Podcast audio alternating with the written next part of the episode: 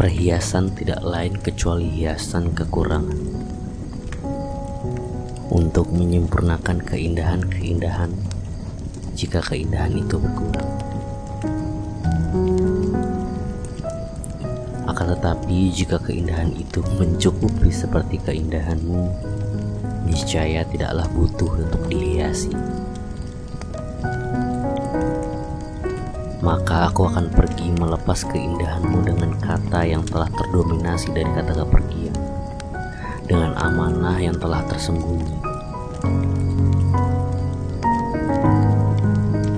dengan lantas lidah tak saling bersatu, hati yang saling membenci, dan setiap makhluk-makhluk telah memutuskan ikatannya.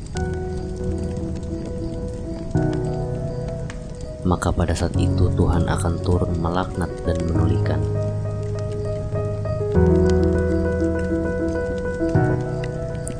Lantas dengan keteguhan jiwa serta raga, aku sudah bukan lagi milikmu.